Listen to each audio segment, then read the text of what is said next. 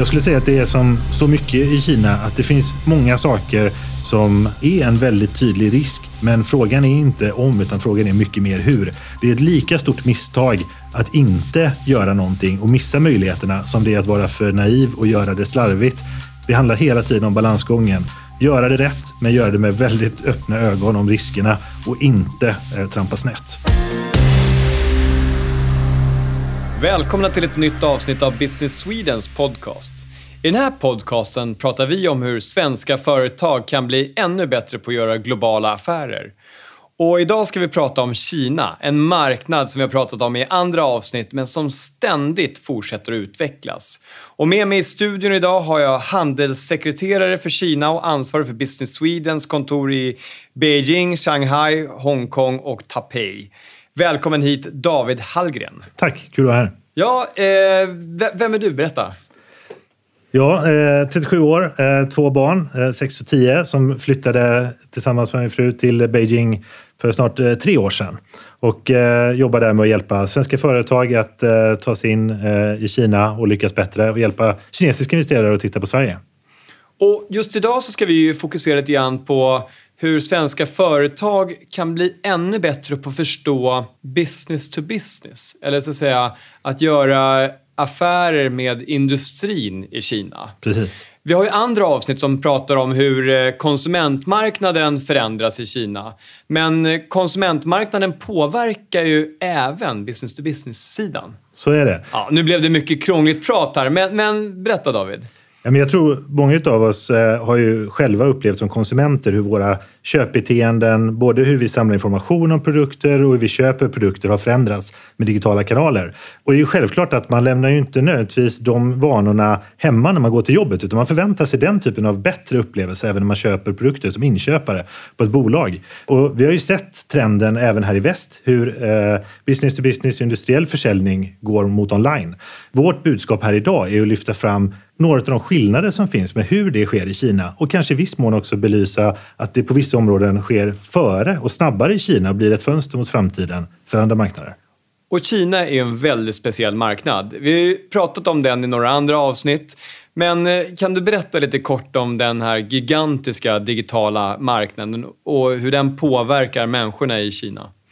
Absolut. Många har ju hört talas om det som kallas the Great Firewall. Att Kina inte har tillgång till det internet som vi har. Och då föreställer man sig att det kanske blir en mer karg miljö där det finns eh, mindre tjänster att tillgå. Men det som snarare har hänt är att det har blivit som ett eget ekosystem. Tänk Madagaskar. Där det finns massor med djur, spännande djur, men som de är annorlunda djur. Det ser vi hända i Kina. Så en snabb utveckling, eh, men vi kommer inte hitta Facebook där, vi kommer inte hitta Google där, vi kommer inte hitta LinkedIn där. Eh, vad, vad är det som finns istället? Ehm, dels eh, om vi börjar med det enkla sök så är det en sökmotor som heter Baidu som är den största sökmotorn.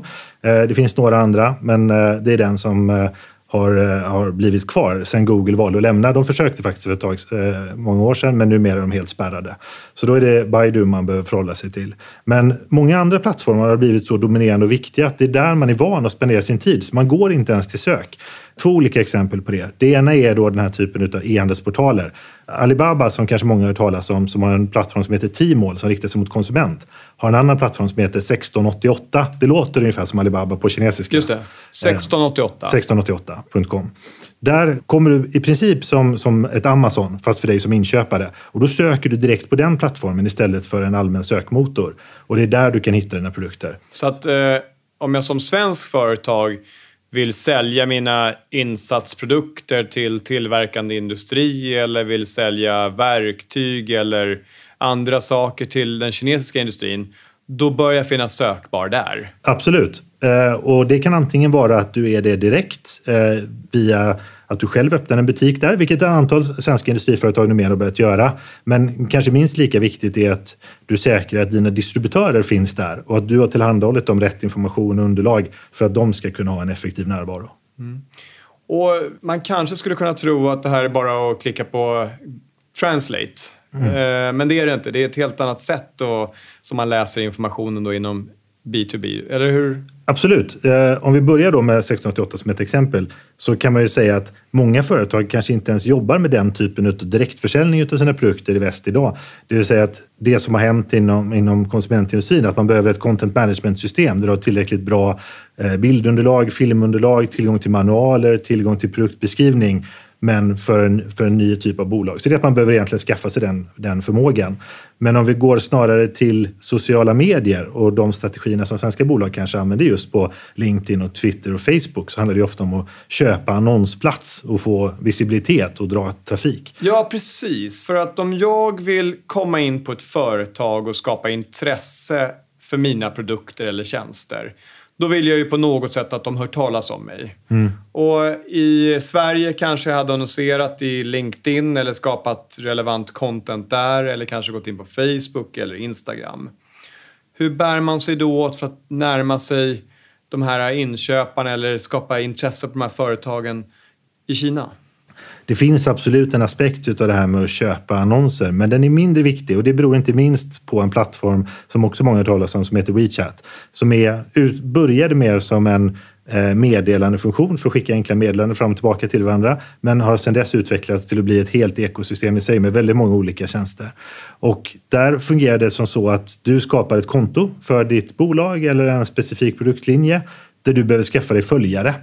Eh, det sker oftast genom att de skannar en QR-kod som du tillhandahåller dem fysiskt. Det vill säga många trycker upp den på sitt visitkort. Du har stora QR-koder tryckta på exempelvis om du befinner dig på en mässa eller kanske till och med på dina produkter som du skickar på kartongerna. Så de skannar den QR-koden och blir din följare för att de ska fortsätta vilja vara en följare så krävs det att du tillhandahåller konstant relevant information till dem. Exempelvis utbildning, beskriva nya produkter, beskriva framgångsrika referenscase, hur andra kunder använt dina produkter så att de fortsätter att följa dig. Då blir det kanske din viktigaste kanal. Många säger att det är viktigare att börja med att ha ett WeChat-konto än att ha en hemsida, även om jag tycker man bör ha båda två. Alla vet ju hur svårt det är att få följare på ett konto från noll mm. till att få det att växa. Och särskilt om man ska få folk att scanna en QR-kod. Mm. Och, kanske ännu mer särskilt om det är inköpare som sitter på våning 24 i någon fastighet. Hur kommer jag åt de här följarna? Hur skapar jag det här intresset? Det som är en stor skillnad mot eh, konsument är ofta att vi pratar inte nödvändigtvis lika stora volymer, utan vi kanske pratar om att du behöver ha ett par hundra, ett par tusen viktiga kunder för dig där du vill ha en närmare relation. Så vi pratar oftast inte att du ska ha hundratusen som man kanske, eller miljoner eller hundra miljoner i fallet Kina när det gäller konsument. Utan det, det är en betydligt mindre eh, målgrupp som du riktar dig till. Och då gäller det att verkligen fånga in dem i de möjligheter du har, det vill säga i fysiska möten eh, och i mässor och, eller om du tillhandahåller om en produkt, att du verkligen trycker upp din QR-kod eller på andra sätt lockar in dem. Det optimala är givetvis att de kanske har ett nätverk så att de kan dela information. Det vill säga om du kan fånga några tillhandahålla väldigt relevant information som de väljer att dela vidare så det är ofta ett av de viktigaste sätten. Men du måste ofta börja med några få som du faktiskt träffar fysiskt. Okej okay, David, så det blev ett bra tips. Vi bör alltså ha ett eget WeChat-konto eh, eller flera och vi bör ha QR-koder kopplade till det här som är tillgängliga till alla potentiella kunder vi möter mer? Vad är det mer för tips vi behöver kunna för att kunna ge oss in i den kinesiska business-to-business-marknaden? Vi hoppade ju nästan över, vi nämnde kort hemsida. Men givetvis, det första man kanske bör göra som är väldigt enkelt, det är att bara säkra att man har en fullt fungerande hemsida. Jag rekommenderar alla att åka till Kina själva eller be sin personal i Kina att bara testa. Fungerar min hemsida? Eller har jag integrerat Youtube-filmer eller har jag byggt den på vissa Google API som gör att min sida faktiskt inte laddar? Man, många tror att det räcker med att översätta hemsidan, men då blir den helt enkelt inte fullt funktionell. Så i de fall det inte fungerar, säkra att man löser det. Eh, och på samma sätt, eh, vill du vara synlig på Baidu, säkra att du förstår vilka är de viktigaste sökorden på kinesiska för dig och eh, har du säkrat dem på den kanalen snarare än bara på Google. Så det är en väldigt enkel startpunkt. Det finns ju många svenska företag som faktiskt lyckas bra i Kina. Vi har en lång historia av bolag som etablerats i Kina, både inom industrin och tillverkningssektorn hjälpt till där. Vad är, vad är det de gör bra, de här företagen? Självklart, eh, det som har varit helt avgörande för de flesta företag är att man har en ledande teknik, att man har en väldigt bra teknik som tillhandahåller högre produktivitet, högre effektivitet exempelvis, längre hållbarhet, eh, bättre miljöpåverkan, högre säkerhet. Det har varit helt avgörande för många av de svenska företagen hittills. Kan jag som ett mindre svenskt företag ta hjälp av stora bolag? Det, det är klart, det här blir en ledande fråga, men, men sker det sådana samarbeten att de här stora etablerade företagen hjälper andra svenska företag in på marknaden? Absolut. Ofta kan det fungera som kund att du får en första kund i Kina som är ett större bolag som du har haft som kund eh, exempelvis i Europa som etablerar sig i Kina. Du blir deras leverantör, det vill säga att du börjar sälja till Kina. På sikt kanske de vill att du etablerar dig där för att ha högre närvaro kortare ledtider till leverans på plats i marknaden. För att lyckas med det krävs det ju ofta att du har en större kundbas, att det inte bara räcker med den här kunden. Då kan de ofta vara en bra partner och hitta fler aktörer. De kan ofta hjälpa till med att förstå viktiga distributörer och aktörer. Så att vi ser den typen av samarbeten, eh, absolut. Och det är en viktig roll som både vi, eh, ambassader, konsulat och handelskammare har, att koppla ihop svenska företag med varandra så att de får lättare att samarbeta. Om man utifrån tittar på Kina som en marknad och lyssnar på de här podcasten som vi spelar in om Kina så känns det ibland väldigt annorlunda. Det känns ganska svårt. Det känns utmanande. Det sägs också att man bör ta det på allvar och ha liksom både budget för och även committa sig för att mm. ge sig in i, in i Kina. Mycket av de råden som man får. Men om man som företag vill börja utforska möjligheten kring digitaliseringen och, och hur, hur, det påverkar Kina, var, var, ska jag börja någonstans då? Det första är ju att eh, göra det på plats, åka över, träffa både eh, andra svenska bolag som vi precis pratade om, träffa kinesiska bolag och höra deras erfarenheter på plats. Testa och själv bli en användare av flera av de olika tjänsterna som finns. Eh, säkra att du har laddat hem WeChat, att du har förstått hur det fungerar, testat ett antal olika tjänster, att du har gjort sökningar på Baidu, att du varit inne på 1688.com och sett hur det ser ut och hur det fungerar. Det tror jag är ett viktigt första steg. När du jobbar som rådgivare till svenska företag som vill bli ännu bättre på att göra affärer i Kina, vad är de vanligaste frågorna som du får? En väldigt vanlig fråga är eh, vart börjar jag? Hur, hur ska jag komma igång och testa? Det andra är, vad gör andra? Man vill i princip jämföra sig, ha en benchmarking. Vilka är bäst på det här? Det är fortfarande tidigt. Det är svårt att säga exakt vilken väg som kommer bli framgångsrikast, men man är väldigt nyfiken på att se eh, exempel från andra. Och det tredje är väl hur, när man väl förstår vad det är man ska göra, hur gör jag det? Vem ska göra det? Vem, vem har den här kompetensen? Ska den sitta i Sverige eller ska den sitta lokalt i Kina? Hur attraherar jag den typen av kompetens? Och hur ser man i Kina på Sverige som land? Har man någon preferens överhuvudtaget? Alltså jag menar, Sverige är ju minimalt i storlek om man jämför med Kinas volym och storlek. Mm. Vet, vad vet man? Ja, men ska man svara helt ärligt så, så, är det nog att man inte känner till det. det är, om man verkligen pratar om gemene man så är det många som kanske inte ens har hört talas om det. Många kanske blandar ihop det med Schweiz som har ett liknande namn på kinesiska. Men de som känner till det eh, generellt sett har en, en, positiv koppling. Man kanske känner till Ikea exempelvis. Eh, man, man, ser att Sverige står för kvalitet och, och hållbarhet bland de som känner till det. Så när du kommer in då och sätter upp möten med företag i Peking eller på någon av era andra handelskontor, hur, eh, hur gör ni för att nå de här företagen? För det måste ju vara en fråga som kommer från era kunder ofta, att liksom skapa den här kontakten. Vad använder du för teknik för det? I viss utsträckning så hjälper det att vi är ett handelskontor, att vi representerar Sverige och vi samarbetar med, med ambassad och konsulat. Det, det öppnar dörrar på ett sätt som är, som är väldigt viktigt för oss, att man som handelssekreterare kan begära möten med företag. Det andra är att förstå vilka eh, intressanta mötesplatser det finns. Inte sällan, det finns ju i princip dagligen i Kina så pågår det olika eh, mässor och att förstå vilka är de relevanta mässorna eller eh, olika events inom min industri som är intressant att delta på. Och det sista och kanske allra viktigaste exemplet är ju som alltid nätverket. Vem känner jag som känner den personen jag vill komma åt och hur ser den kedjan ut? Och nu har vi pratat lite grann om det fysiska mötet. Vi har pratat om hur vi ska kunna med marknadsföring i digitala kanaler nå och skapa intresse hos potentiella kunder.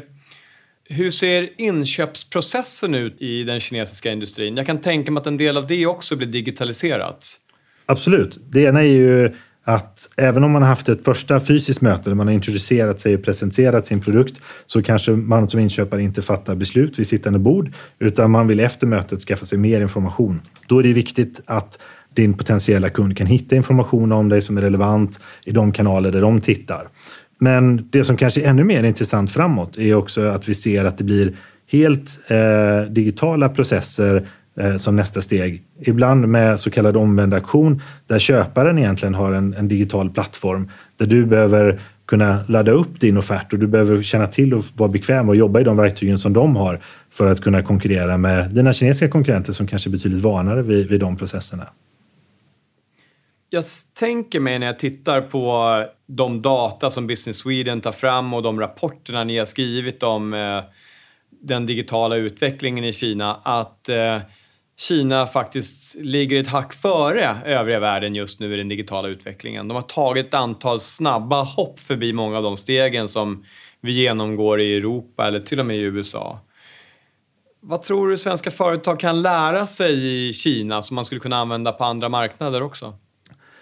Jag tror att det finns ett antal viktiga faktorer. Det ena är hastigheten som förändringen går. Man behöver vänja sig vid, vid Eh, det som ofta benämns som, som China speed, vilket ställer nya krav på, på marknadsföringsavdelningen, de som tar fram innehållet som du vill sprida. Men kanske ännu viktigare är att vänja sig vid att jobba med tredjepartsplattformar. Vi kanske är vana vid att jobba med vår egen hemsida eller vissa andra kanaler. Men det jag tycker Kina ständigt visar på är att plattformar kan få sån skala och investera i kundupplevelsen så att det är nästan omöjligt att konkurrera med det på sikt. Och det tror jag är en väldigt viktig sak som vissa kanske är vana vid från konsumentindustrin men alls inte lika vana eh, inom B2B-miljön. Eh, och för att kunna förhålla sig till det här så tror jag att man kommer se att man eh, lägger mer aktivitet i Kina för att fungera som ett kompetenscenter, inte minst för regionen, det vill säga att kinesiska bolag växer i Sydostasien. Ska man som svenskt bolag växa i Sydostasien så kan man nyttja att man har den kompetensen på plats i Kina. Och det sista sättet är ju att man kanske kommer i högre utsträckning, vi ser några riktigt eh, roliga exempel på det redan, ta bra personal från sin organisation i Kina och antingen flytta dem till Sverige eller flytta dem till andra marknader och använda deras kompetens och erfarenhet till att utbilda sin egen personal på fler platser. Och nu när vi pratar om det här med att eh, bygga in sig på flera plattformar, till exempel då att bygga in sig på WeChat istället för bara att försöka länka upp allting till sin egen webbsida, så är WeChat det är nästan som ett operativsystem. Det finns ju massor med mer funktionaliteter där med både augmented reality, film, bilder, data som används på helt andra sätt än vad man kanske är van vid om man skulle lägga upp en eh, undersida på LinkedIn eller på Facebook eller på Instagram. Mm. Vad, vad, hur får man all den här kompetensen? Hur tar man till sig den? Ja, men det här, är, det här är, är svårt. Inte bara att göra det, utan kanske också få tillåtelse att göra det. För, eh, för, att ta upp ett konkret exempel så såg vi hur ett svenskt företag insåg att för att vara relevanta för sina kunder så var de tvungna att kunna tillhandahålla exempelvis orderbekräftelse, följa leveranstider eh, och tillhandahålla all information om sina eh, leveranser via WeChat. Det krävde att man integrerade WeChat med sitt ERP-system. Att överhuvudtaget sälja in och förklara det för IT-organisationer i Sverige som kanske aldrig hade talas om WeChat var en svår resa och ett första steg att ta. Det är viktigt att man inte tappar konkurrenskraft i en av sina största och viktigaste och snabbväxande marknader bara för att man inte lyckas ha rätt verktyg för att man inte har den kompetensen lokalt i Kina. Så det är egentligen det första steget, att bara överhuvudtaget få tillåtelse att göra detta. Sen handlar det ju eh, om att inse att det kräver nog att vi bygger upp och rekryterar en lokal organisation på plats i sitt dotterbolag i Kina, vilket få eh, än så länge har gjort. Ja, spännande. Så att, att, integrera WeChat med sitt eget affärssystem, mm. det kan ju tänkas låta som en risk också, men, men samtidigt kanske ett måste då i vissa branscher. Jag skulle säga att det är som så mycket i Kina att det finns många saker som är en väldigt tydlig risk. Men frågan är inte om, utan frågan är mycket mer hur. Det är ett lika stort misstag att inte göra någonting och missa möjligheterna som det är att vara för naiv och göra det slarvigt. Det handlar hela tiden om balansgången. Göra det rätt, men göra det med väldigt öppna ögon om riskerna och inte eh, trampa snett. Och det krävs lite försiktighet och att man läser på och förbereder sig. Men samtidigt så sker förändringen så snabbt att man har inte råd att göra det för långsamt. Det är en svår balansgång. David, tack för att du har kommit hit och delat med dig av dina erfarenheter om hur jag som företagare kan göra ännu bättre affärer i Kina och på en väldigt spännande marknad. Vid något annat tillfälle, eh, i ett annat avsnitt, så ska vi prata om den kinesiska konsumentmarknaden som jag vet att du får massor med frågor om också. För det måste ju vara extremt intressant att komma in på denna ständigt växande medelklass, denna ständigt växande ekonomi där digitaliseringen verkligen möjliggör till stora chanser. Så är det. Ja. Kul att vara här. Ja,